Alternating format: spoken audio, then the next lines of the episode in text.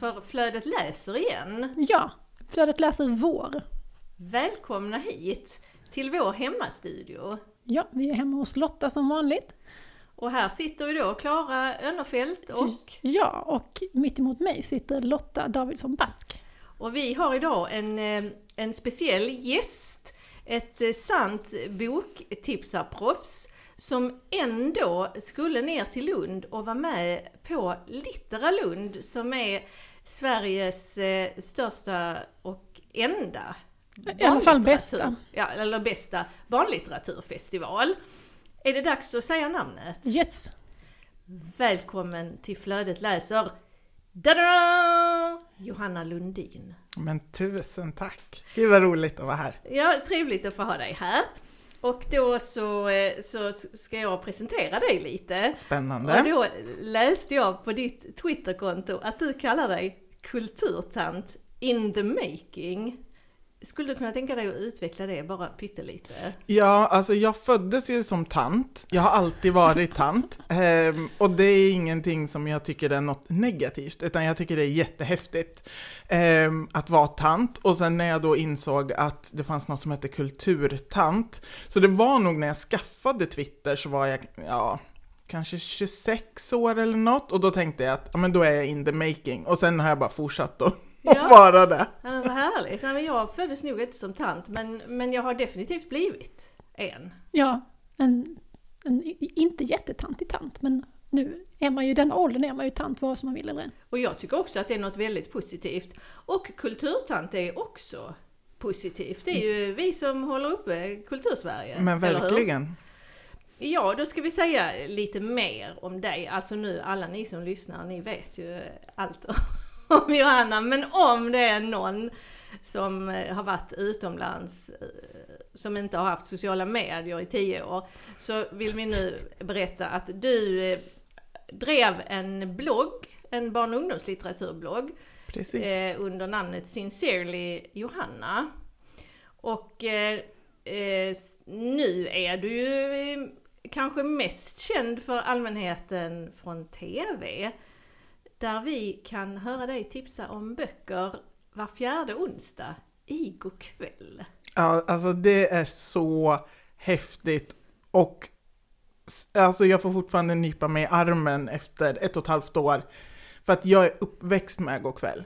Eh, och mamma har tittat liksom alltid. Och även när jag sen blev tonåring så var fredagarna helig, för då var det boktipsen och Inga-Lill Mosander var med med sina färgade nagellack och boktipsa. Och att sen få frågan att bli en boktipsare efter henne, det var... Det är jättestort. Det är bland det roligaste jobb jag någonsin har haft. Men du, ja, nu blir jag nyfiken för jag är ingen god kväll-tittare. Eh, eh, men när du säger nagellack, du har ju också alltid välmålade och färggranna naglar. Är, Och det, är du inspirerad av? Inga-Lill, Ja. Ehm, det var att se henne, ja men på fredagar så var det det här, det är någon som får bjuda på middag och sen så var det boktipsen eh, och musik. Så att det tittade jag alltid på med mamma då.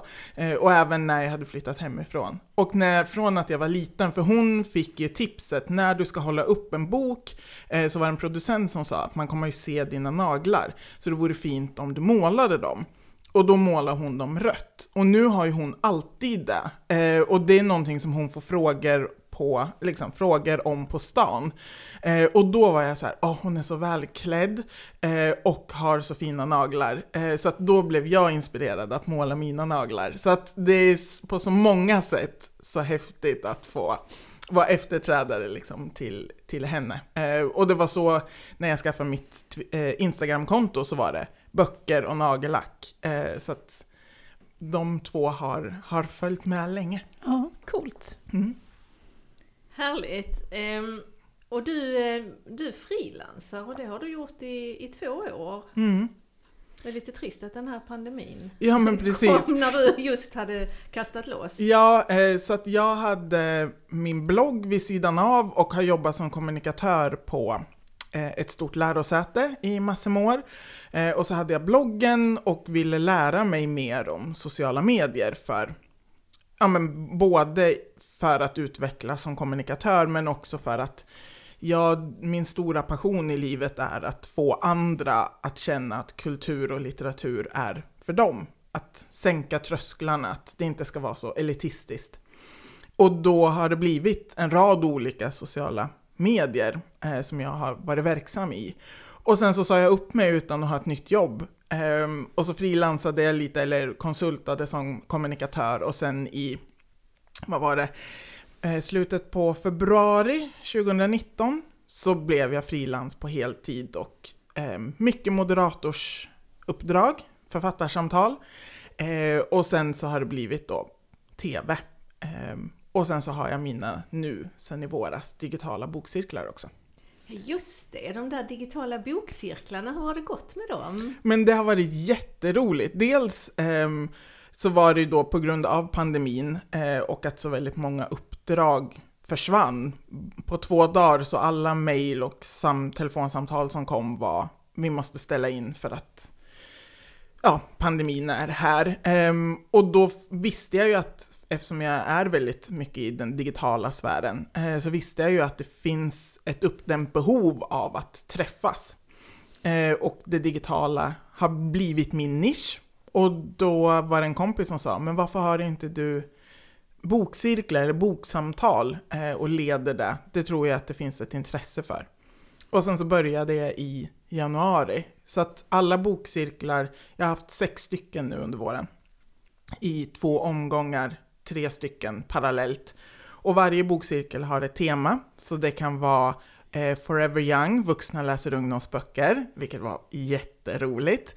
Eh, eller Poesi för skräckslagna. Eh, och vi har haft en om Sylvia Plath eh, och läst hennes författarskap och om henne och sådär. Så vi ses, man liksom anmäler sig till en cirkel, fyra träffar eh, och det är personer från hela landet. Olika eh, bakgrunder, olika åldrar, olika vana att bokcirkla. Vi har haft en som har varit med från Irland, så hon är svensk men bor på Irland och det har ju funkat då eftersom det är digitalt. Så för henne var det så här, så roligt att få prata böcker på svenska med andra svenskar, för det träffar inte hon till vardags. Så det har varit superroligt. Eh, om alla har gått och längtat efter den där torsdagen eller tisdagen när vi, när vi ses och pratar, pratar böcker. Kommer du att fortsätta? Ja men verkligen i höst, för det var, vi har precis eh, eh haft sista träffen och då var de så här, hur ser det ut för hösten? Jag bara oj oj, oj ta det lugnt. Då var det väl eh, april tror jag, eh, början på maj. Och jag var såhär, jag har inte ens börjat tänka. Nej men för att vi vill och komma förslag på olika teman till i höst. Så jag kommer absolut att fortsätta även om pandemin är slut, så just det här att vi kan ses över hela landet och hitta andra och prata böcker. För eh, med en bokcirkel, jag har flera bokcirklar innan med kompisar, men då är det sådär, vi ses och så har, kommer man dit, har läst boken och verkligen vill prata om den. Och så blir det tio minuter och sen så skvallrar man eller pratar om livet. Men ja. här är det ju verkligen fokus på böckerna och på läsningen och att få djupdyka så med andra intresserade som inte känner varandra. Det har varit, varit jättehäftigt att se hur vi ja, man kommer ihop som grupp och att bli personlig och prata om hur en bok har påverkat och ja, det är verkligen jätte, jätteroligt. Om, om det är någon som lyssnar nu som undrar hur de ska göra för att få komma med i, i någon av dina cirklar, har du någon väntelista? Hur gör de? Ja, men så, jag har ju inte tänkt färdigt än över hösten, men jag skulle vilja säga att man kan gå in och kolla på Johannas boktips, nej, Johannas kulturtips. Eh, för där på den hemsidan lägger jag upp när cirklarna kommer. Eh, det är också samlingssidan för mitt nyhetsbrev, kulturella nyhetsbrev. Så där kan man hålla utkik för hösten. Johannas kulturtips. Och prenumererar man på nyhetsbrevet så får man nyheten. Precis. Så det kan man också anmäla sig till då. Ja. Det är ju fantastiskt, allt mm. detta! Det här är ju ett typexempel på en sån sak som pandemin har tvingat fram, men som liksom var en bra sak som borde ha kommit ändå egentligen. Ja men verkligen, och som eh, jag absolut tycker ska finnas kvar även efter pandemin. Mm. Eh, för att jag bor i Stockholm eh, och har närhet till väldigt varierat kulturutbud. Men det är det inte alla som har. Och apropå gå kväll, anledningen att jag tycker att det är så roligt är det är undersköterskor i Västerås, det är en lastbilschaufför, eh, liksom, chaufför, det är en barnskötare, en ekonomiassistent. Publiken är så stor och varierad. Och att jag inte underskattar, att jag har ingen ambition att bli omtyckt av en kulturelit. För mig är det mycket roligare att nå ut till en intresserad allmänhet och att inte tänka att man är dum bara för att man inte bor i Stockholm. Och det här har ju verkligen visat att djuplodade boksamtal, det intresset finns i hela landet. Det är ingenting som ja, men bara de som bor i Stockholm och kan komma till en bokhandel eller ett visst typ av bibliotek, utan det finns ett intresse och eh, ett sug efter det mm. överallt. Så att... det, kan ju faktiskt de vara, ju... det kan ju faktiskt vara tvärtom ibland. Att man är inte dum för att man inte kommer från Stockholm. Mm. Eller hur? Va? Det blev några negationer blev... där, men jag menar att är, man är inte dum för att man kommer från landet. Nej. Tvärtom, man kan vara väldigt smart. Ja, så kan det vara. Men jag tänker att eh, kultur, eh, kulturperson, inte personligheter, men kulturfolk, de kanske kollar också, mina föräldrar kollar ju till exempel, de är ju akademiker från Lund med mycket kulturellt kapital i bagaget. Så att eh, det är nog all, alla i din publik där liksom. Ja, och, och framförallt att eh, ja, men, att det kanske finns en bild av att du bara för att du jobbar som undersköterska att då är du inte intresserad av höglitterärt eller utan då vill du bara ha något lättläst om du överhuvudtaget läser. Men så ser det ju verkligen inte ut. Mm. Eh, och det är det som är så häftigt att, till, att tilltalet är lika. Det är inte nu vänder jag mig till dig som, som nu har gjort det här lite förenklat för att du är från landet eller nu pratar jag till dig som är akademiker utan jag bara pratar entusiastiskt om de böcker jag har läst och så men ja. så är det ju, i kärleken till böcker kan vi ju träffas över åldersgränser och över alla andra gränser också. Faktiskt. Och framförallt så är det roliga i bokcirklarna är hur olika erfarenheter, åldrar vi har, att det blir så stimulerande samtal om boken då, för att vi har olika ingångar. Och det är ju möjligheten att träffas, för idag är det ju kanske lättare att man lever i sin bubbla av likasinnad eller så. Men här har vi ju kärleken till böcker som gemensam nämnare och sen kommer vi från alla möjliga. Ja, och det är det som är så häftigt med, med böcker är ju att det är tillgängligt för så många. Mm. Det är sant. Särskilt nu när det finns så mycket ljudböcker också. Mm. Så blir det ännu mer tillgängligt ju. Ja. Men, Men apropå böcker, apropå böcker, är det dags? Det är dags nu. För att vi har läst en gemensam bok till idag, alla tre. Och det är Jenny Jägerfeldts bok Min storslagna död. Alltså den andra boken om Sigge. Jeps. Hur ska vi, hur ska vi börja med att, att ta oss an boken? Vi kanske ska säga någonting litet om handlingen, eller? Ja. Alltså för att den första boken, Mitt storslagna liv, heter den väl? Ja. ja. Den handlar ju om Sigge som flyttar från Stockholm till Skärbacka. Och eh, tycker ju att det är fantastiskt, för att han får börja om. Och den handlar ju om sommaren innan han börjar skolan, och då är ju hans mission att han ska försöka räkna ut hur man blir populär. För han vill bli populär i sin nya klass. Och så börjar han skolan. Och den här börjar ju då efter att han har börjat skolan. Mm, han har gått någon, ett par månader har gått i skolan. Ja. Vi ska säga också att han har ju flyttat tillsammans med sin mamma och sina två småsystrar och några husdjur till sin mormor som inte vill bli kallad mormor utan hon heter Charlotte. Charlotte. Hon är, Charlotte. Hon är mycket internationell och hon driver ett, eh, ett slags hotell Fast hon fick ju, eh, ja, hon fick ju nästan slå igen hotellet när, när hennes dotter flyttade in med sin familj. Hon har bara en gäst kvar. Ja. Krille Maräng. Ja. Som också är en, en speciell karaktär. Ja. Ja, det är väldigt mycket, alltså det är uppstoppade djur, det är väldigt excentriskt och eklektiskt liksom i den här, eh, de här karaktärerna som befinner sig systrarna är ju också sina egna lustiga individer och ja. Mm. Sen kan man ju säga att Sigge han har lyckats då med sin mission att bli populär, för när han väl börjar skolan så blir han ju kanske lite mer populär än han hade räknat med. Och det är ju så nytt för honom det här med att vara populär så att han kan liksom inte säga nej. När tvillingbröderna, vad heter de nu igen? De heter Karl Johan Just och, och Sixten. Just det, såklart. De är, de är tvillingar och de eh, har då bestämt att de ska eh, starta ett hiphop-crew och de ska uppträda på julshowen. Så att de, de bara säger till Sigge att han, att han ska vara med och han fattar ingenting. Och har väl inget intresse för det heller innan. nej. nej. Nej, men han kan inte säga nej, för det är bara den här grejen med att man plötsligt får vara med som är så För att underbar. de är ju, eh, ja men de är ju populära Mm. och att de vill ha med honom gör att han faller väl lite för smickret där. Ja, han faller för det och han faller för bara hela grejen att man får vara med de populära. Och sådana där som kan säga vad som helst och alla tycker att det är bra. Det som de säger. Han, han lurar ju på i början om det är något. När ska det komma? När ska liksom den här, aha, trodde du att du skulle få vara med? När ska det komma? Men det gör ju inte det. De är odelat positiva till honom. Och den, den rädslan där, den är ganska hjärtskärande faktiskt. Mm. För det kan vi ju säga också att när familjen bodde i Stockholm, han var ju rätt rejält mobbad. Har ni båda läst första boken? Ja. Mm. Mm. Men då, eh, då är det ju så att i första kapitlet, så det är ju en- som en nedräkning, så i första kapitlet så, så är rubriken När jag fortfarande inte brydde mig om att det var 60 dagar kvar till julshowen. Och sen står det Jesus är här.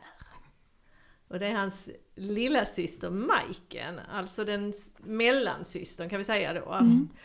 Hon ska då få spela Jesus i julspelet. Mm. Det är en roll som gjord för henne faktiskt, för att hon är ju lite av en frälsare.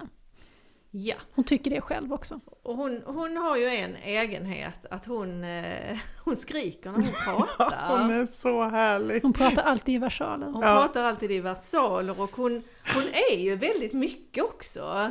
Mm. Hon tror att hon kan allt och vet allt och hon har en, den här fantastiska tron på, på sig själv som brukar gå över kanske när man är 5-6 men det, det har inte gått över för henne. Nej.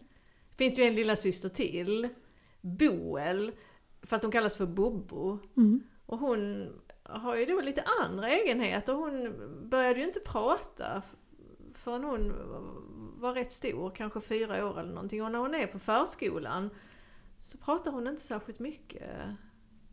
Hon pratar Nej, hemma. hon pratar inte alls på förskolan tror jag. Hon Nej. pratar bara hemma. Mm. Ja, sen är det ju Charlotte då, mormor. Vad ska vi säga om henne?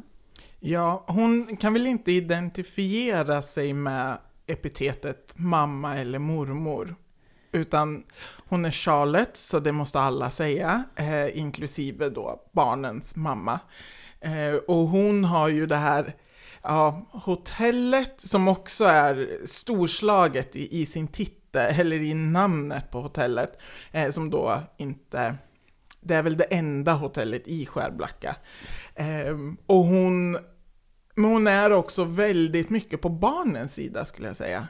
Mm. Hon är väldigt tillåtande. eh, och inte gränslös, men hon... Jo, jo, hon är gränslös. Hon, är, hon, är, hon är lite gränslös, eller?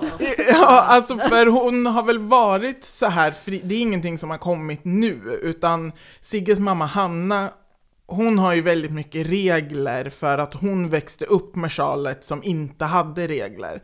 Ehm, och barnen tycker väl att Ja, det är väl härligt, men när Sigge är hos granntjejen, ehm, eller hans bästa kompis, där det är mer regler och nedtonat så tycker han det är väldigt skönt medan hon tycker det är jättehäftigt för att den här bullriga familjen och ja men det är färggrant och de här uppstoppade djuren och sådär.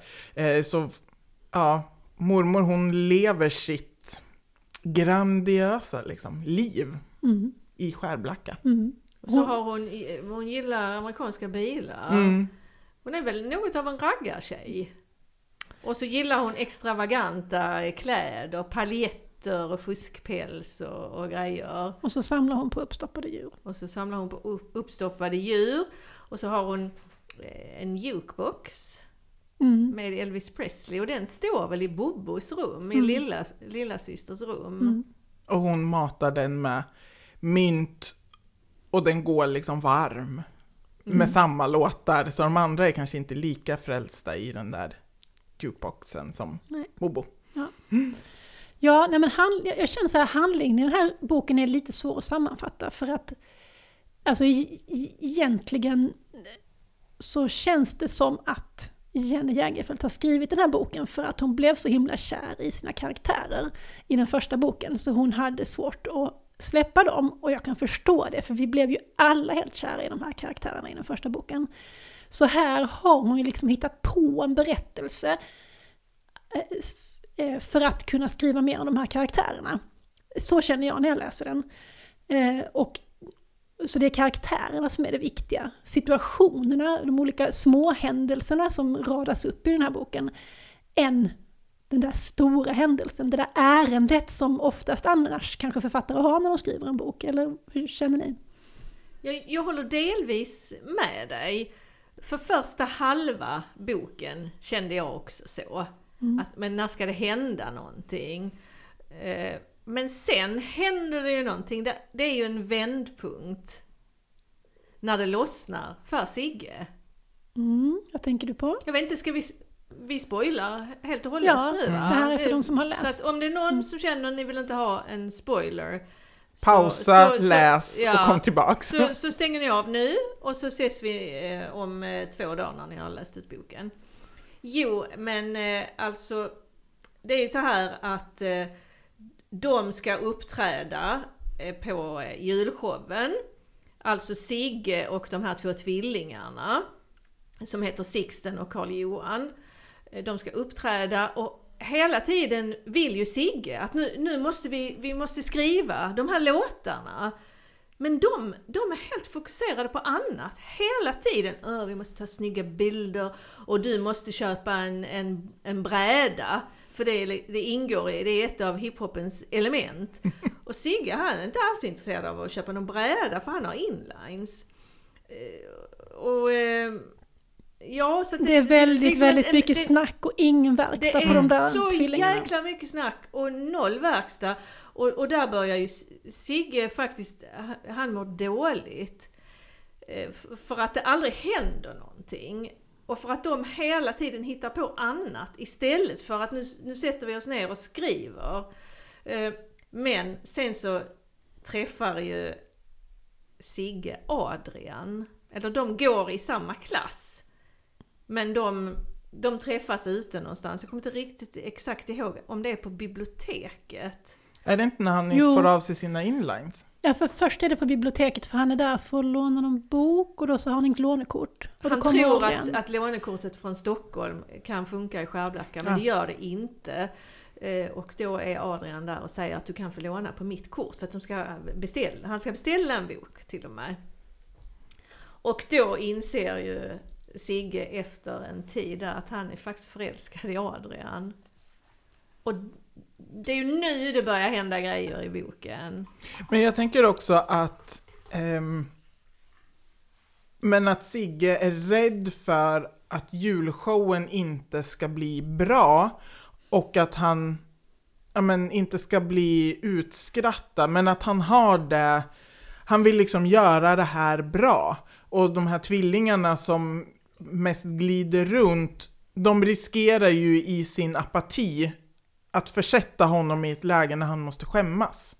Eh, så att jag upplever att det är det som dels bygger på hans oro, ehm, men också i, i konflikten med att ska jag då säga att jag vill inte göra det här, eller är den här känslan av att få vara med de populära viktigare? Mm. Mm. Jo, för att de här tvillingarna, de har ju ingen skam i kroppen. De tycker ju att de är bäst. Och Sigge vet ju hur det är att vara där på botten. Så att han, ja, han är ju jätteorolig.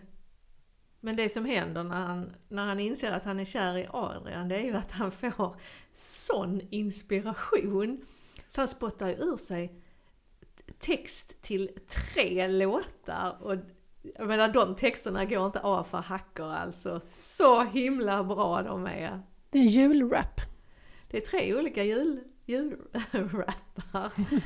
en, om, en om jultomten, en om eh, julskinkan och vad är den tredje har jag glömt. Ja, jag med.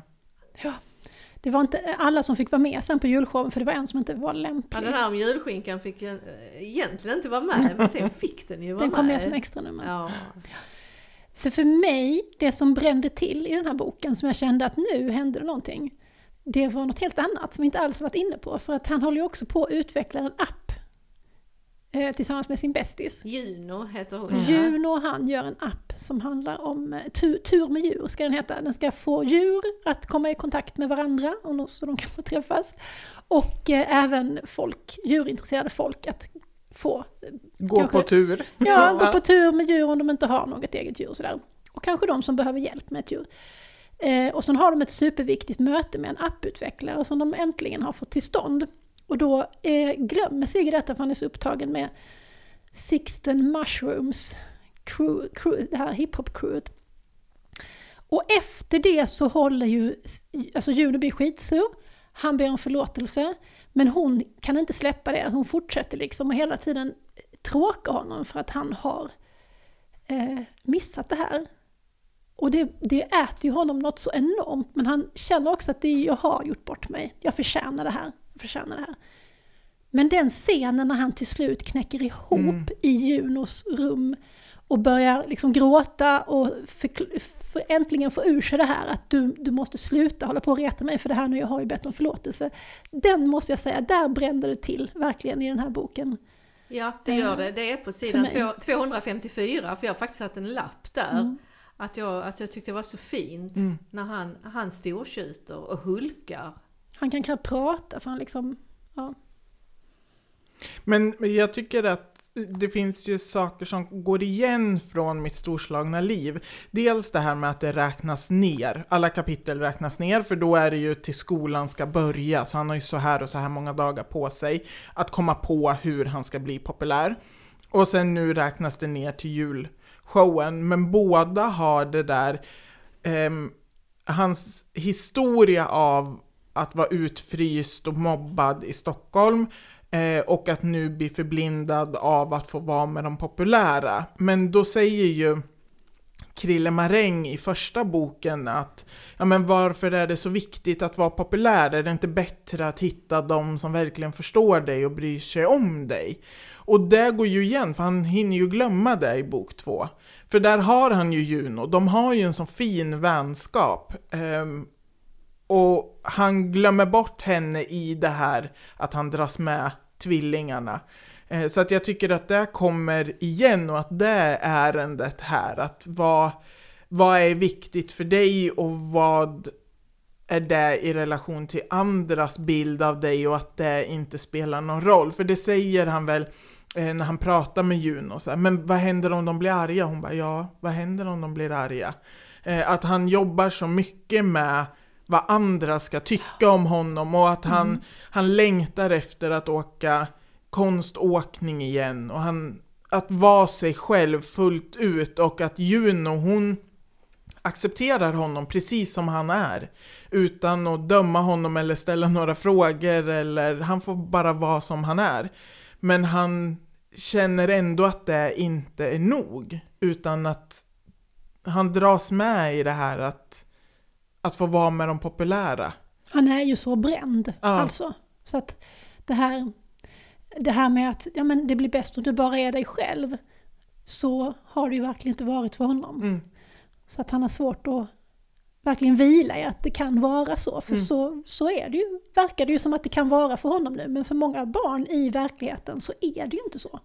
Att man verkligen kan vara sig själv hela tiden och bli accepterad. Eller för någon egentligen. Även i våra vuxenliv är det ju så att vi behöver förställa oss på olika sätt för att Ja, men- bli accepterade. Och där tycker jag att så här, Charlotte går, föregår ju med gott exempel Ja. där i att vara sig själv, men också att systrarna är ju det. Majken som inte klarar av att dra ner det några decibeller utan hon skriker liksom allt. Ehm, men hon får ju också vara så, det är ingen som försöker att ändra på henne. Och i familjen så är det ju okej att Bobo inte pratar, det är ju på förskolan de har problem med den hon är. Mm. Ehm, men jag tycker att alla karaktärer, och Krille, um, Maräng, han får ju också vara som han är. Ja. Ehm, jag har haft en kollega som ja, väldigt lik honom i det där med när han pitchar sina filmidéer. ja. Men det är ju, på något vis, alla är ju förlåtna i den här boken och det är ju fantastiskt. Alla får vara sig själva. Ehm, jag, jag har satt en annan, en annan lapp, jag har, jag har många lappar i min, eh, i min bok. Den här Majken då som, som skriker. Hon, eh, att hon är sådär eh, bullrig som hon är och, och tar sig friheter, det är ju också väldigt bra. För att när, eh, innan den här julshowen så är det något luciafirande på förskolan. Och då är det en dum gubbe som inte låter Bobo, alltså lilla syster, inte låter henne ta knäck. För han får för sig att hon ska be om det. Och hon försöker gestikulera och, och, och, och liksom göra en min som betyder eh, ja, att hon väldigt gärna vill ha knäck. Och han, han fortsätter att tjata. Säg, eh, kan jag be att få en knäck tack? Och så, fort, så fortsätter han. Så att till sist så, så blir Bobbo, hon blir ju hon blir väldigt ledsen. Och till saken hör att hon fyller år samma dag. Och då, när Majken förstår detta, fick du ingen knäck på din födelsedag? Och då stegar hon fram. För att, för att eh, Sigge är ju med i den här, vid det här tillfället och han, han säger till bara så här, men ta min knäck istället Bobo. Ja. Han vågar ju inte säga ifrån. Nej, nej, nej. Och då, nu ska du lyssna på mig. Ja, du! Du med den pyttelilla mössan! Först säger du att vi ska vara tysta och sen så försöker du tvinga min lilla syster att prata. Hur ska du ha det egentligen? Jag ska berätta en grej för dig. Bobo pratar inte med folk hon inte känner. Och så fortsätter hon att skrika och vråla. Det finns saker du tycker är svårt. Det kanske finns saker du tycker är svårt, skrek hon. Som till exempel att köpa en lagom stor mössa. Men inte tvingar jag dig att köpa en annan mössa för det. Och även om jag verkligen skulle tycka att det var bra för dina öron är superröda och du kan bli sjuk men jag skulle aldrig tvinga dig och bla bla bla bla bla. Hit med några knäck, tack! Och så vidare. När jag blir diktator ska alla få knäck. Som Majken. Jag kommer också att förbjuda små mössor. Hjärnan kan frysa till is och det är jättefarligt. För då blir det tydligen väldigt svårt att tänka. Det här är en fantastisk explosion. Mm. I love it. Ja men hon, hon gör ju också alltså, rollen som Jesus som egentligen är en bifigur, alltså han är ju ett nyfött barn, men hon gör ju det till sin medel, alltså hon är ju medelpunkten. Och när hon, eh, jag måste öva på mina repliker, eh, när hon går runt och övar hemma. Nej men jag tycker hon är så, så härlig i, i sin gränslöshet. Och att hon får vara det, att, att hon inte, hon ska inte kuvas in i någonting. Och, och jag tror att mycket är ju för att de får vara hos eh, mormor Charlotte, att hon eh, annars, Hanna, mamman, hon jobbar ju och hon hinner liksom inte med. Bara där i, när Bobo ska fotas för eh, ja, men så här, förskolefoto. Eh, den veckan jobbar ju mamma väldigt mycket så hon har gett instruktioner till mormor Charlotte. Bobo är, eh, hon är vampyr för att mormor har blandat ihop det med halloween-firande eller vad det nu var. Eh, och också på jul, eh, eller på Lucia där så är hon ju någon uggla, någon julkula. Alltså hon är fantastisk! Ja, faktiskt. Nej men mormor Charlotte, henne gillar vi verkligen. Och hon är ju också viktig för Sigge inför den här julshowen. För att när det börjar dra ihop sig, han är ju så nervös att han tror ju att han kommer att dö. Och då, då säger hon, hon säger något väldigt, väldigt klokt. Pretend that you're good at it. Mm. Det är något som vi brukar säga till varandra, Mm. ju, Klara. Fake it till you make it. Mm. Det var så, jag tog med mig det för att jag ja, men, blev nervös inför eh, ett jobbuppdrag jag skulle göra. Och då tänkte jag på det där citatet, att så här, pretend that you're good at it. Ja, vad härligt. Ehm, Ja, men det kan man absolut ta med sig.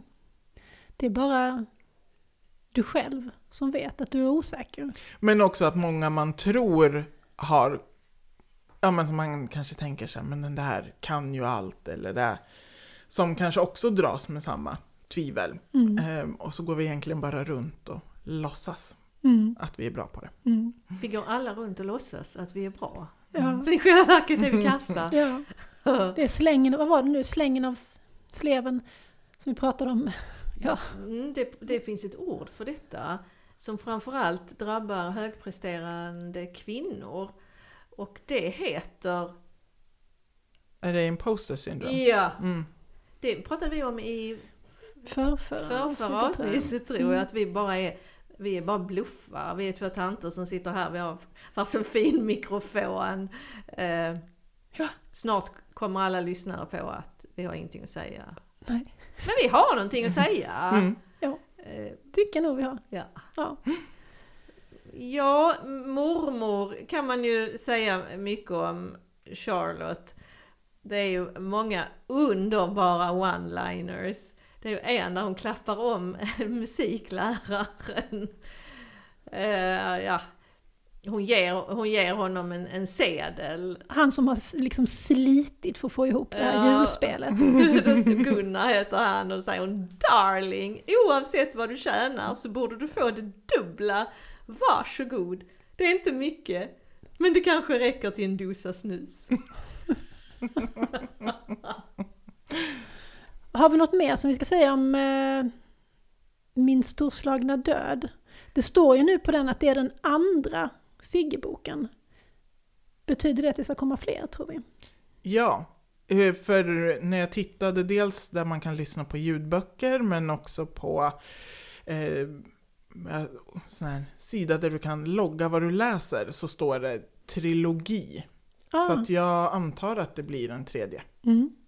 För jag tycker det är väldigt spännande att, att man får fler pusselbitar till Sigge Mm. efterhand.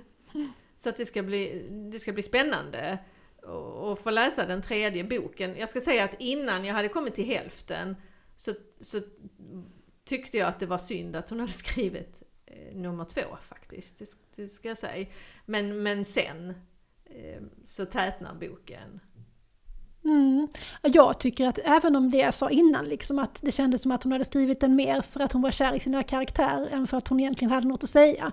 Så tycker jag inte att det är något negativt, jag tycker det räcker att få hänga med de här karaktärerna. Alltså det, det kan vara gott nog för mig i alla fall. Det är ju en skön bok att läsa. Man blir ju glad, man skrattar. Ja, jag skrattar högt flera gånger. Ja, jag med. Jag tycker de är... ehm, det finns många saker i dem. ehm, och framförallt att det inte känns som ett ärende, utan ehm, men vissa andra eh, böcker, kanske både av författaren men också i genren, att nu, det är det här jag vill prata om. Men det här får vara en, en kille som har haft det liksom kämpigt men det förut, men det är också vanliga inom citationstecken. Ja, inte Eh, så vanliga. Ja men också det där i att hitta sig själv och veta vem, vem man är utan att det behöver, det Ja, sen har det här excentriska liksom runt omkring honom men jag tycker ändå att ehm, att hon, hon gör det till en, det är en rolig bok om, om en person som jag tror att många kan känna igen sig i. Ja, och man kan ju också vända på det, liksom, precis som du gör. Mm. Att det var skönt med en bok som inte har ett ärende. Mm. Det behöver inte vara så mycket mer än så här. Nej, för det roliga är ju eh, inter, eh, intertextualiteten i den. Att han har en skoluppgift där han ska läsa en bok om en kille som är trans som flyttar från Stockholm till Malmö. Mm. Och det är ju Brorsan är kung av Ja. samma författare. Just det. Ehm, och ja, men där kanske till exempel det finns ska skriva en bok om en pojke som är, är, är trans. Eller, ja, men jag tycker här att boken är ju tjock eh, och att det bara får liksom flyta på. Eh, jag tyckte det var jättehärligt. Mm. Jag tror att den här passar jättebra för högläsning. Mm, Ja, som ljudbok är den ju fantastisk, för det är Jenny själv som läser. Ja, och dels när. Majken skriker, eh, men också alla dialekter tycker jag. Läser hon då på östgötska? Ja. Åh, jag försöker ju läsa på östgötska liksom när jag läser, Ja. men jag, jag är inte tillräckligt bra på det. Så jag har både läst och lyssnat, jag tycker den är eh, ja, jätterolig. Jag har ju släkt i, i Finspång, så jag liksom har ju östgötskan liksom, Mm. men någonstans kan plocka fram den ur bakhuvudet, men inte ändå så att det blir rätt alla gånger. Och det är så roligt när man får till det. Mm. Jag, jag tänkte faktiskt på en annan eh, författare som skriver för, för barn och unga, Åsa Asptjärn. Just Hon det. har också förmågan att skriva roligt, varmt och allvarligt på samma gång. Mm, Mm. Och det är något väldigt fint. mm. Ska vi låta det bli slutorden? Så går vi vidare till eh, den bok som du har läst, Johanna. Ja, eh, och jag har läst en debutbok som heter Himlabrand av eh, debutanten Moa Backe Ostot. Eh, och då flyttar vi oss från Skärblacka upp till Sápmi och norra Sverige. Och där får vi träffa Ante och han är eh, ung, han är 16 år och eh, enda barnet i en renskötarfamilj. Och han funderar väldigt mycket över vad som är hem och var han hör hemma, både som same men också när han inser att han är ju kär i sin bästa kompis Erik och är gay i en kultur som är väldigt machoinriktad. Eh, och det här är, jag är så imponerad av Moa, eh, hur hon har gjort ett så varmt porträtt av Ante. Hur hon också beskriver hur det är att vara ung same idag. Jag inser att jag kan väldigt lite om den samiska historien, men också hur det är idag. Eh, för det har ju kommit bland annat Herrarna satt oss hit, där vi har fått lära oss mer om historia, men hur är det idag? Och det känns som hon är ett väldigt bra arv till Ann-Helén Lestadius, som ju också är barn och ungdomsboksförfattare och har skrivit om eh, norra Sverige. Eh, men här får vi en, en, en väldigt fin berättelse om tillhörighet och att vara sig själv. Ehm, som, ja, det är en, en av de bästa böcker jag läst och framförallt en av de bästa i år. Jag var helt... Jag kunde inte sluta läsa, jag ville bara hänga mer med Ante och Erik och snön uppe i, utanför Jokkmokk. Mm. Jag har inte läst den, men eh, det måste jag göra nu, det fattar jag ju. Jag har inte heller läst den, men vi har den eh, på, på skolan. Mm. Jag jobbar ju på en gymnasieskola och vi, vi har köpt in den. Mm.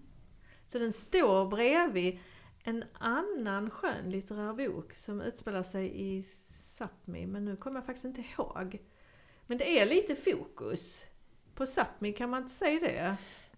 Fokus på Sápmi är väl kanske det har en överdrift att säga, men om man jämför med alltså hur kultur, kulturen har negligerat hela vår samiska historia i hundratals år så um, kanske nu, Men det vi nu har börjat till- komma en glimt i alla fall. Precis, vi börjar täppa till hål i eh, berättelsen om att vara ung i Sverige idag framförallt. Mm. Ehm, att det får, får komma fram och att vi blir medvetna, att det är sånt fokus på södra Sverige framförallt Mm. ehm, i utgivningen. Så att ha en bok som utspelar sig uppe i Kiruna som i 10 över 1 av Ann-Helén Lestadius eller eh, Det är så jävla kallt va, Lovisa Laxo. Ja, den Så är det- jättebra. Så att det har, har ju börjat, börjat att komma fler böcker eh, från norra Sverige, men också i att vara en minoritet, att vara en minoritet i minoriteten i att vara,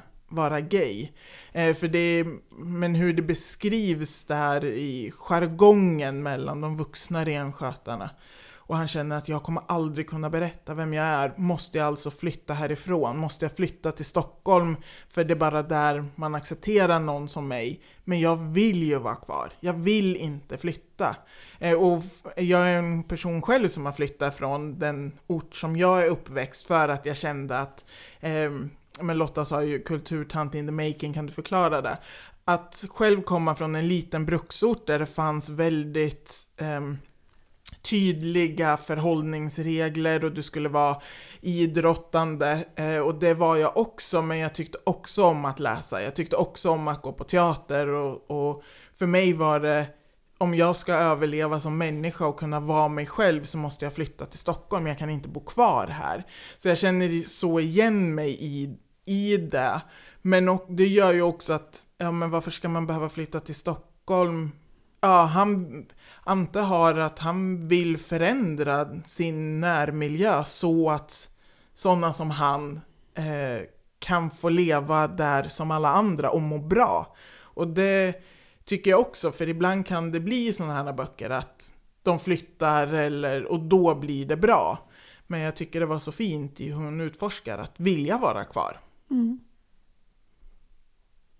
Jag tänker också lite på en bok som jag läste precis nu, Ljudet av fötter. Har ni läst den? Nej, Nej Sara Lövestam. Ja, det är ju en vuxenbok. Eh, jag måste bara få säga något pyttelitet om den. Den utspelar ju sig också delvis i Sápmi. Hon utforskar sina rötter och hamnar där uppe. Eh, och, ehm, men det som är fantastiskt med den boken är att jag läste ju hennes senaste barn och ungdomsbok, En stark nolla. Har ni läst den? Nej. Nej. mycket fin bok, jag tyckte så mycket om den. Eh, så när jag börjar läsa den här vuxenboken så dyker det upp en, eh, hon har en katt, den här huvudpersonen. Som heter Stina Jankell. Och det är ett lite ovanligt namn på en katt och det liksom börjar ringa någon klocka så i mitt bakhuvud. Fast jag känner igen det där kattnamnet, vad konstigt. Och sen dyker det upp en kille, en grannkille som heter Texas. Som börjar hänga hemma hos henne. Och det är ju huvudpersonen i en stark nolla. Mm. Så hon har skrivit ihop de här två universumen och det är ju väldigt ovanligt eh, att man gör det med en barnbok och en vuxenbok. Jag vet egentligen bara ett annat exempel och det är de här Emil Wern-böckerna. Jag tänkte på Silla Naumann, gjorde ju en Bära barnet hem och sen så gjorde hon så det var väl en vuxenbok. Eh, och så är det två familjer va, som spenderar sommaren ihop, eller alltid har varit på samma sommarställe. Och sen finns det en ungdomsbok om de här tonåringarna Aha. som befinner Mm. sig. Okay. Eh, Så det var det, jag tänkte säga, jag kan bara ett exempel, för jag kan bara det, men då finns det uppenbarligen två. Är det den som, det är fristående berättelser om de här un, ungdomarna? Jag tror det. Mm. Mm. Mm. Där ser man. Mm. Där ser man. Det var en utvikning. Men vi får göra utvikningar Ja, för att vi får göra vi vi är chefer. Framförallt Alla så får tre. vi eh, lägga till till vår läslista. Ja, men för den det- där en stark nolla är Jag, jag, jag, sugen på. jag, Ja. jag, jag skrev här en stark nolla Ja. och sen lägger vi upp eh, bilder på Ja. alla böckerna sen på vårt Instakonto Mm. så att ni, eh, ni kan läsa alla böcker som vi pratar om. Mm. Är, är det din tur nu Klara? Det kan få vara din tur Lotta, därför att det är också en fin övergång till eh, den som du har läst. Ja, faktiskt eh, om att få lov att vara sig själv. Mm. För jag eh, har läst Vem har sagt något om kärlek? av Elaf Ali. Och jag, jag blev helt golvad av den här boken. Det är ju en, en bok som är nätt till sitt omfång. Den ligger väldigt bra i handen. Den är mjuk, mjukbunden, det är ett vackert eh, tilltalande omslag. Eh, och eh, ja, vad handlar den här boken om då? Det handlar om att växa upp med hedersförtryck. Och Elaf kom med eh, sin familj till Sverige när hon var ja, fyra, var hon väl, i början av 90-talet från Irak. Och de hamnar i Fjälkinge som är en, en liten byhåla utanför Kristianstad i Skåne. Och eh, i Irak eh, jobbade pappan som läkare och mamman var lärare. De var inte särskilt eh, religiösa. Och de, de får ju lämna landet. Och, eh, och hamnar då här i, i Fjälkinge. Eh, Elaf har två storebröder och hon får eh, två småsystrar, så att det är fem barn i den här familjen. Och eh, ja, man kan säga att det börjar eh, när hon är tio och får mens. För att då, då upphör det vanliga livet. Då börjar föräldrarna kontrollera henne och framförallt pappan. Så att när hon, eh, när hon får mens så gör föräldrarna en jättestor sak av detta. Nu är du kvinna. Och menar, hon, hon är bara en tioårig liten tjej, hon fattar ingenting, hon tycker det är superpinsamt. Att de pratar om det här och basunerar ut det. Men det som händer sen, det är ju att eh, hon får inte rida längre. Pappan ringer och talar om eh, i skolan att hon får inte vara med på simundervisningen längre. Och det är ingen i skolan som ifrågasätter detta. Man bara accepterar det här. Jaha, Elaf får inte vara med på simundervisningen.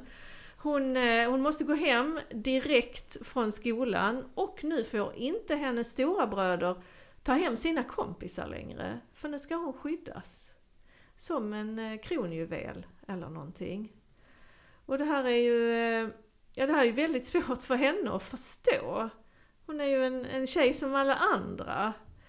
Eh, men, men hon är ju faktiskt inte en tjej som alla andra, för att hon tar ett jättestort ansvar i sin familj. Det är hon som hjälper till att skriva alla ansökningar, hon tolkar. Eh, och om, om då hon, hon skriver någonting fel så kan, kan, det ju innebära att eh, föräldrarna får ett lägre bidrag eller inte får något bidrag. Hon, hon axlar detta ansvaret fullt ut. Men sen är hon ju dessutom mobbad i skolan. Hon är ju liksom den enda med utländsk härkomst ja. i den här byhålan. Ja. Och det gör ju att hon har ju ingen annan hon vet ingen annan som har det som hon. Alltså det här med hela hederskultursgrejen. Hon tror att hon är ensam i världen om det. Hon är fruktansvärt ensam. Och det är ju förfärligt verkligen att läsa hur det svenska samhället totalt sviker henne. Ja. Och till saken hör ju att, att hennes föräldrar integreras ju aldrig i samhället för pappan, pappan får inga jobb och inte mamman heller. Nej, det tänkte jag mycket på när jag läste, att hade han, hade han bara fått jobba så hade han ju inte hållit på sådär, då hade han ju haft annat att tänka ja, på. Ja, då hade inte han haft tid. Men han, sen när hon då går på gymnasiet, då får hon, hon får inte göra någonting, hon ska åka hem direkt efter skolan och så är, hon får inte göra, de ska, det ingår praktik. Och det ska hon inte få göra heller, men det, ja, det lyckas hon få göra. Hon ska göra praktik i en videobutik och så går hon dit en gång efter skolan och då, då finns det ett sånt här angiverisystem i den här gruppen så att någon talar om för pappan att hon befinner sig i den här videobutiken så han kommer ju dit och släpar ut henne i håret. Mm. Det är så fruktansvärt förnedrande men det, det som jag tyckte var det något av det allra värsta, det är ju att eh, familjen flyttar in till Kristianstad. Alltså Elaf byter skola och då blir mobbingen etter värre. Så att hon ber att få byta tillbaka till sin gamla skola för att där var hon bara lite mobbad. Och då, då går vuxenvärlden med på detta. Att hon ska få, få, istället för att göra någonting åt mobbingen så låter man henne byta skola men hon, eh, hon ska inte få eh, något busskort betalt för att hon har ju själv valt att byta skola och då vet hon att då kommer hon inte få lov att byta för att hennes föräldrar har inte råd att köpa ett busskort till henne så då får hon överklaga detta. Så det, det gör hon och så argumenterar hon då att ja men skolan har inte lyckats stoppa mobbingen så att det är inte mitt fel och, och då får hon det här busskortet och det, det tyckte jag var... Jag hade kunnat tänka mig eh, några andra lösningar på det problemet. Avskeda rektorn och, och, och sätt dit en, en vettig person som ser till att barn kan vara trygga i skolan och inte behöver bli mobbade för att de är annorlunda. Men det här är ju, eh, den här är klassad som ungdomsbok. Men ja, det är ju en biografi och det är ju lite konstigt att den är det. eh, För, det är ju en, det är en biografi, hon berättar i jag-form och det är hennes historia och hon intervjuar sin pappa också. Och mamman också Och faktiskt. mamman. Och sen har hon då sprängt in lite fakta, eh, eh, ja vad ska man säga, faktaavsnitt. Där hon tar upp till exempel barnkonventionen, hon tar upp vad eh, hederskultur, Eh, hon tar upp individ kontra kollektivsamhällen och så för att man ska eh, liksom verkligen förstå. Mm. Hon skriver någonstans också att det där är den boken hon önskar hade funnits när hon växte upp. Liksom den där stora systern som man skulle behöva prata med. Liksom. Men det där med att hon är extremt eh, tålmodig och pedagogisk, alltså hon lyckas ju övertala skolan att hon ska få ett busskort, men hon lyckas ju faktiskt urholka stenen droppvis. Ja. Och till slut få pappan att acceptera. För att det- som, som föräldrarna accepterar det är ju att utbildning är viktigt. Så att hon, hon pluggar ju vidare och flyttar ju till Stockholm för sina studier. Men det är ju också för att hon ska få sin frihet. Men till och med när hon är 30 så fortsätter de att tjata om Inte pappan, men mamman. att, hon ska, att hon ska gifta sig, att de har en, eh, fin pojke till henne och, och han är jättesnygg och, och ja. Och För idag jobbar hon som journalist, eller hur? Ja, hon Ja, är det journalist. hon. Och apropå ljudböcker så har hon ju läst in den här själv. Aha, Jag jag har- har, ju läst den. Jag har inte, alltså jag lyssnar inte på ljudböcker, men däremot så lyssnade jag på eh, Landskampen i P1 i fredags. Och där är hon gäst. Och hon har en helt fantastisk eh, skånsk dialekt som, eh, ja, jag tror att det kan vara helt underbart att lyssna på hennes egen inläsning av den här boken. Ja men då ska jag lyssna på den också. Ja, gör det. Men det är till exempel så, så eh, åker hon ju med sin pappa tillbaka till Irak. Och då är hon väl 30 när hon åker tillbaka. Och så då innan de åker så, ja, hon, hon frågar ju pappan en massa, hon vet inte riktigt vad som väntar henne där. Och så säger hon, vilken typ av aktiviteter ägnar sig en tjej i min ålder åt? Frågar jag. Tjejer i din ålder är gifta och hemma med sina familjer. Mm, Det är svaret. såklart. Ja, alltså den här, den här boken ska alla eh, läsa och framförallt alla som, som jobbar med barn och unga. Mm. Och Elaf Ali är mycket kritisk till eh, samhällets insats när det gäller eh, hedersförtryck. Ja, men med rätta. Med Sen rätta. tror jag i och för sig att det kan ha blivit bättre sen hennes ungdom. Alltså lite. Men jag tänker också att, jag vet inte när hon växte upp, men eh, för mig så var det ju när Fadime mördades så var det ju väldigt mycket på tapeten. Och det sen, finns med som en avgörande händelse i den här boken. Ja, för det känns som efter det så blev det sen lite tyst om det. För jag vet att eh, till exempel Birgitta Olsson, när hon eh, fortfarande var politiskt aktiv, att hon lyfte det och så kunde jag tänka så här, men det där har vi väl liksom kommit förbi. Ehm, men det har vi ju inte, utan problemet finns ju fortfarande kvar och att det då är så viktigt i att skolan ser och kan fånga upp eller att vuxenvärlden finns där. Mm. Ehm, och framförallt när du är själv. ehm, att det inte finns andra som du kan fråga. Att vuxenvärlden då kan ta upp signaler på att här är något som inte är okej. För, för när Fadime blir mördad så, så är det ju så stort, så Mm. det märks på media. Så då, då får hon ju reda på att det finns tydligen någon fler som har haft det som jag här i Sverige. Men hon blir också mer försiktig för att hon inser ju att jaha, min pappa skulle kunna mörda mig Mm. om jag gör fel saker. Så det gör ju henne eh, verkligen mer försiktig, att hon väljer sina strider och sparar krutet till när det verkligen behövs. Mm. Alltså hon blir smartare, tyvärr eh, måste hon ju bli det Mm. för att samhället, Strategiskt ja, liksom. för samhället skyddar henne inte och hon har Nej. bara sig själv. Mm. Och hon inser hur farligt, Ja, hon farligt behöver ju hon är ju parera situation. smällarna Mm. kan vi säga. Mm. ja, För att hon åker ju på däng också. ja, hon åker på allt möjligt. Ja. Men måste också växa upp på tok för tidigt och ta ansvar som vuxenvärlden skulle ha Mm. gjort. Ja. Mm. I att överklaga beslutet om busskort och Ja. eh, det är ju ingenting som hon själv skulle behöva driva. Och sen lämnar hon då och beger sig till Stockholm men hon är ändå fortfarande fast i det här fängelset så att liksom hon kan...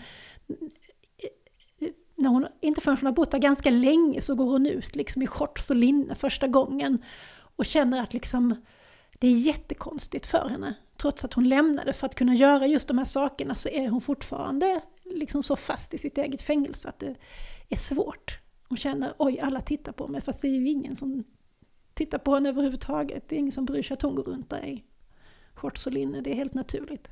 Men ja, det finns ju verkligen likheter då med Ante i Ja. Himlabrand Ja. där i att du kan flytta ifrån där du är uppväxt till exempel, men det finns ju fortfarande kvar i dig. Mm. Och att när du har fått lära dig att här finns det som ett osynligt fält som du inte får här får du inte ta dig förbi, att det kan finnas kvar även om du geografiskt gör en förflyttning Ja. till, till ett annat. Eh, och hur du inte bara behöver frigöra dig i att kanske flytta någonstans där de inte kan ha koll och där det inte är den här övervakningen av an, andra i familjens krets som håller koll utan det också göra dig fri från dina egna mentala eh, begränsningar i hur du lever ditt liv. Mm.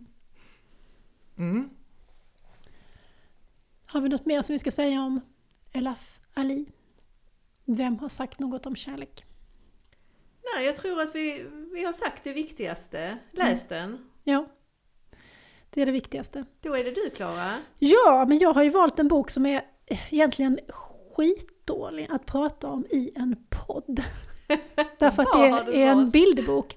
Eh, för att eh, ni båda hade valt ungdomsböcker och så hade vi en mellanåldersbok så jag tänkte vi skulle liksom bredda. Nu sträcker sig Klara efter Ja. en jättefin... eh, Jag har alltså då läst Anders Holmers nya bok som heter Farväl.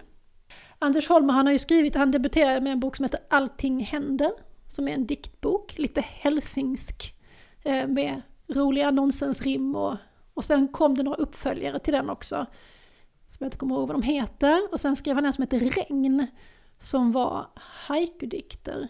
Också liksom, inte en sammanhållen handling utan olika på temat regn, liksom man färdas runt om i världen. Eh, Men den här boken Farväl, här har liksom reducerat språket ännu mer, för här är det inget språk. Det är bara bilder. Det är eh, vad man nu skulle kunna kalla silent book. Men jag var med i en diskussion på Twitter om det här, att det var ett så himla dåligt namn, för de här böckerna de är ju inte speciellt tysta. Utan eh, de skapar ju väldigt mycket diskussioner. Ja, det är väl lite det där uttrycket, en bild säger mer än tusen ord. Att, Ja. Men den här boken har ju en, eh, en tydlig handling. Och det har ju ofta de här böckerna, man kan liksom återberätta handlingen och i den här boken så är det började med att det är en, en flicka som går runt i en lägenhet där man ser en äldre kvinna, förmodligen en mormor, som går runt och pysslar lite, vattnar lite blommor och så. Och så sitter det en eh, annan kvinna, yngre kvinna, förmodligen det här barnets mamma, i en fåtölj med skalligt huvud och droppställning bredvid. Och eh, man förstår ju att det, hon är väldigt svårt sjuk i cancer och kommer att dö. Va? Och mormor är där för att ta hand om barnet och hjälpa sin dotter. Eller son, man kan faktiskt inte veta vad det är för kön på barnet. Eh, och barnet går in på sitt rum, stänger in sig på sitt rum för att hon eller han är ledsen då. Och i rummet så kliver barnet ut genom fönstret och ger sig ut liksom på ett fantasiäventyr. Eh, där barnet möter olika figurer och liksom, ja, det är väl lite som att det här barnet reser till sitt vildingarnas land för att han, som, man, som barn gör när man behöver hantera de där sakerna som är för stora och för svåra för att hantera själv. Då beger man sig dit till det här fantasilandet och plockar hem vad man behöver. Och när barnet är färdigt med den här resan i fantasin så går barnet ut och ja, mer eller mindre tar farväl av sin mamma.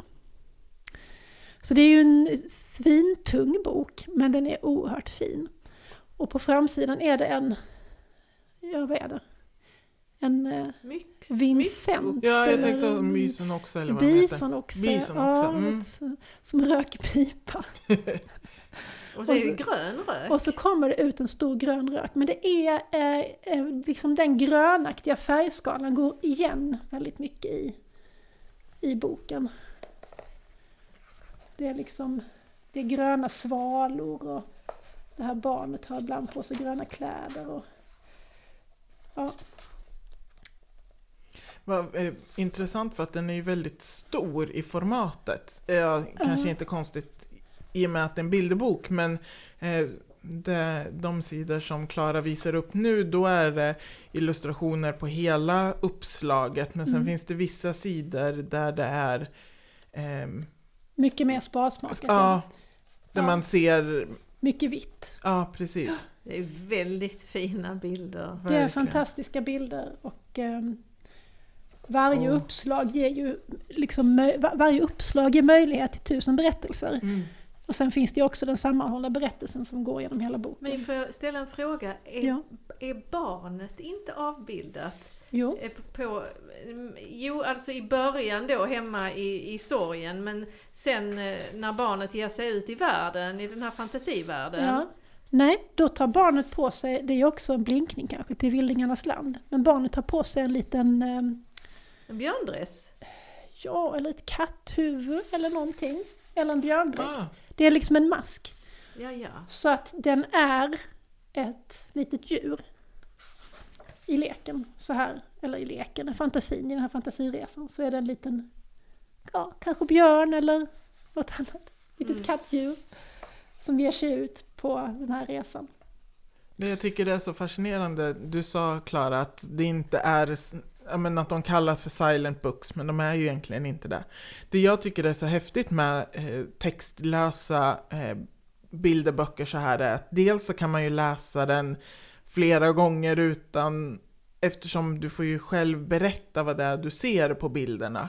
Och att det kan göra att beroende på var barnet är och hur gammalt barnet du läser den med är, så kan ju berättelsen växa hela tiden. Jämfört med om det hade varit text så är det ju den texten man förhåller sig till. Mm. Så jag tycker det är så häftigt med såna här böcker i att det inte behöver bli nödvändigtvis exakt samma berättelse varje gång, för man kanske ser en detalj.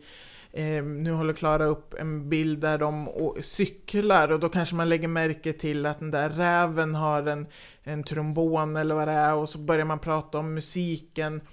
Mm. Ehm, och någon annan gång kanske man pratar om cyklarna, att, ehm, jag menar att boken kan ta olika vändningar till vad man... Oändliga möjligheter. Verkligen, jag tycker det är jättehäftigt att få höra då och kanske läsa ehm, med syskon så att det inte... Men jag vill inte läsa en bilderbok för jag har vuxit ifrån det. Mm. Nej, Ehm, det här är ingen bok som man kan växa ifrån. Nej, utan- är Åh, gud vad sorgligt. inte för... Den, ja, det är så himla sorgligt.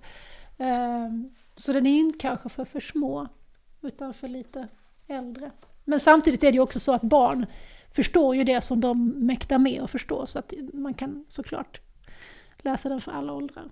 Ja, man kanske mer fokuserar där på äventyret. Mm. Precis. Har den, har den precis kommit ut? Ja, den har kommit nu i vår. Så den är, har, har du sett om den är recenserad någonstans? Jag har inte sett det, nej. Jag kollar ju inte kanske alla ställen som där recensioner kommer, men de, de jag har kollat på har inte sett den ännu. Nej. Eh, Sen är det ju så när man tittar på det här rummet, att då finns ju alla, eh, eller jättemånga detaljer från det här fantasiäventyret finns ju som små leksaker eller andra prylar i det här barnets rum. Så man förstår ju då som vuxen läsare att barnet har varit där i rummet hela tiden. Mm. Eller inte. Ja, just det, för där är... Ja, man ser nu. Ja, du ser den här, eh, ehm, ja, Ja, men vad det, den nu var, bisonoxen. ja, Den är där. Det stora djuret. Ja. det, det, Det är så det, här trumpeten och det är en zeppelinare där på väggen och tåget finns där också. Och små Katten. cyklar och... Och Ja. svalorna, de är också med, de Mm. finns där. Och pipan, det är Margrites pipa. Eh, Sitter på väggen där, en liten bild Över ovanför sängen. sängen. Mm. Men då kan Precis. man väl säga att detta är eh, sickligt för de minsta? Det kan man säga, det är faktiskt sickligt för de minsta. Ja. Jag tror, eh, förra året så nominerades väl Jenny Egerfeldt för Mitt storslagna liv, eller om det var året innan. Eh, jag tror att både den Farväl, Himlabrand och Vem har sagt något om kärlek kan vara August eh, material. Absolut. Jag tror att vi har Säger jag plockat de eh, maj. allra bästa, vi har plockat de allra bästa böckerna helt enkelt. Mm. Mm. Mm. Vi får se. Vad roligt! Mm. Ja. Vad kul! Ja, Man blir så upplivad av att prata om böcker. Om sickligt. Ja. Nej, ja. men om bra litteratur. Mm. Och sen har vi ju en dag framför oss imorgon också med Litteralund.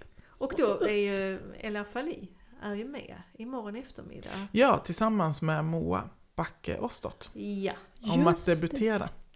Och sen ska du prata med eh, de här som är bakom det här tågäventyret. Precis. Ja. Eh, MG Leonard och Sam Segman. Ja. Mm. Så det blir också en underbar dag i litteraturens tecken. Det roliga med Litteralund i år, det är ju tråkigt att det inte är på plats, men det är ju gratis och digitalt och kommer ju ligga kvar även efter eh, festivalen, så då kommer man gå och se samtalen i efterhand. Ja, Det är väldigt fint. så då kan man eh, lyssna på ditt fantastiska samtal som du hade idag med bröderna, nej, familjen Knyckerts skapare. Det var väldigt skoj. Jag Ja. såg lite grann ni hade likadana randiga tröjor, det var så fint.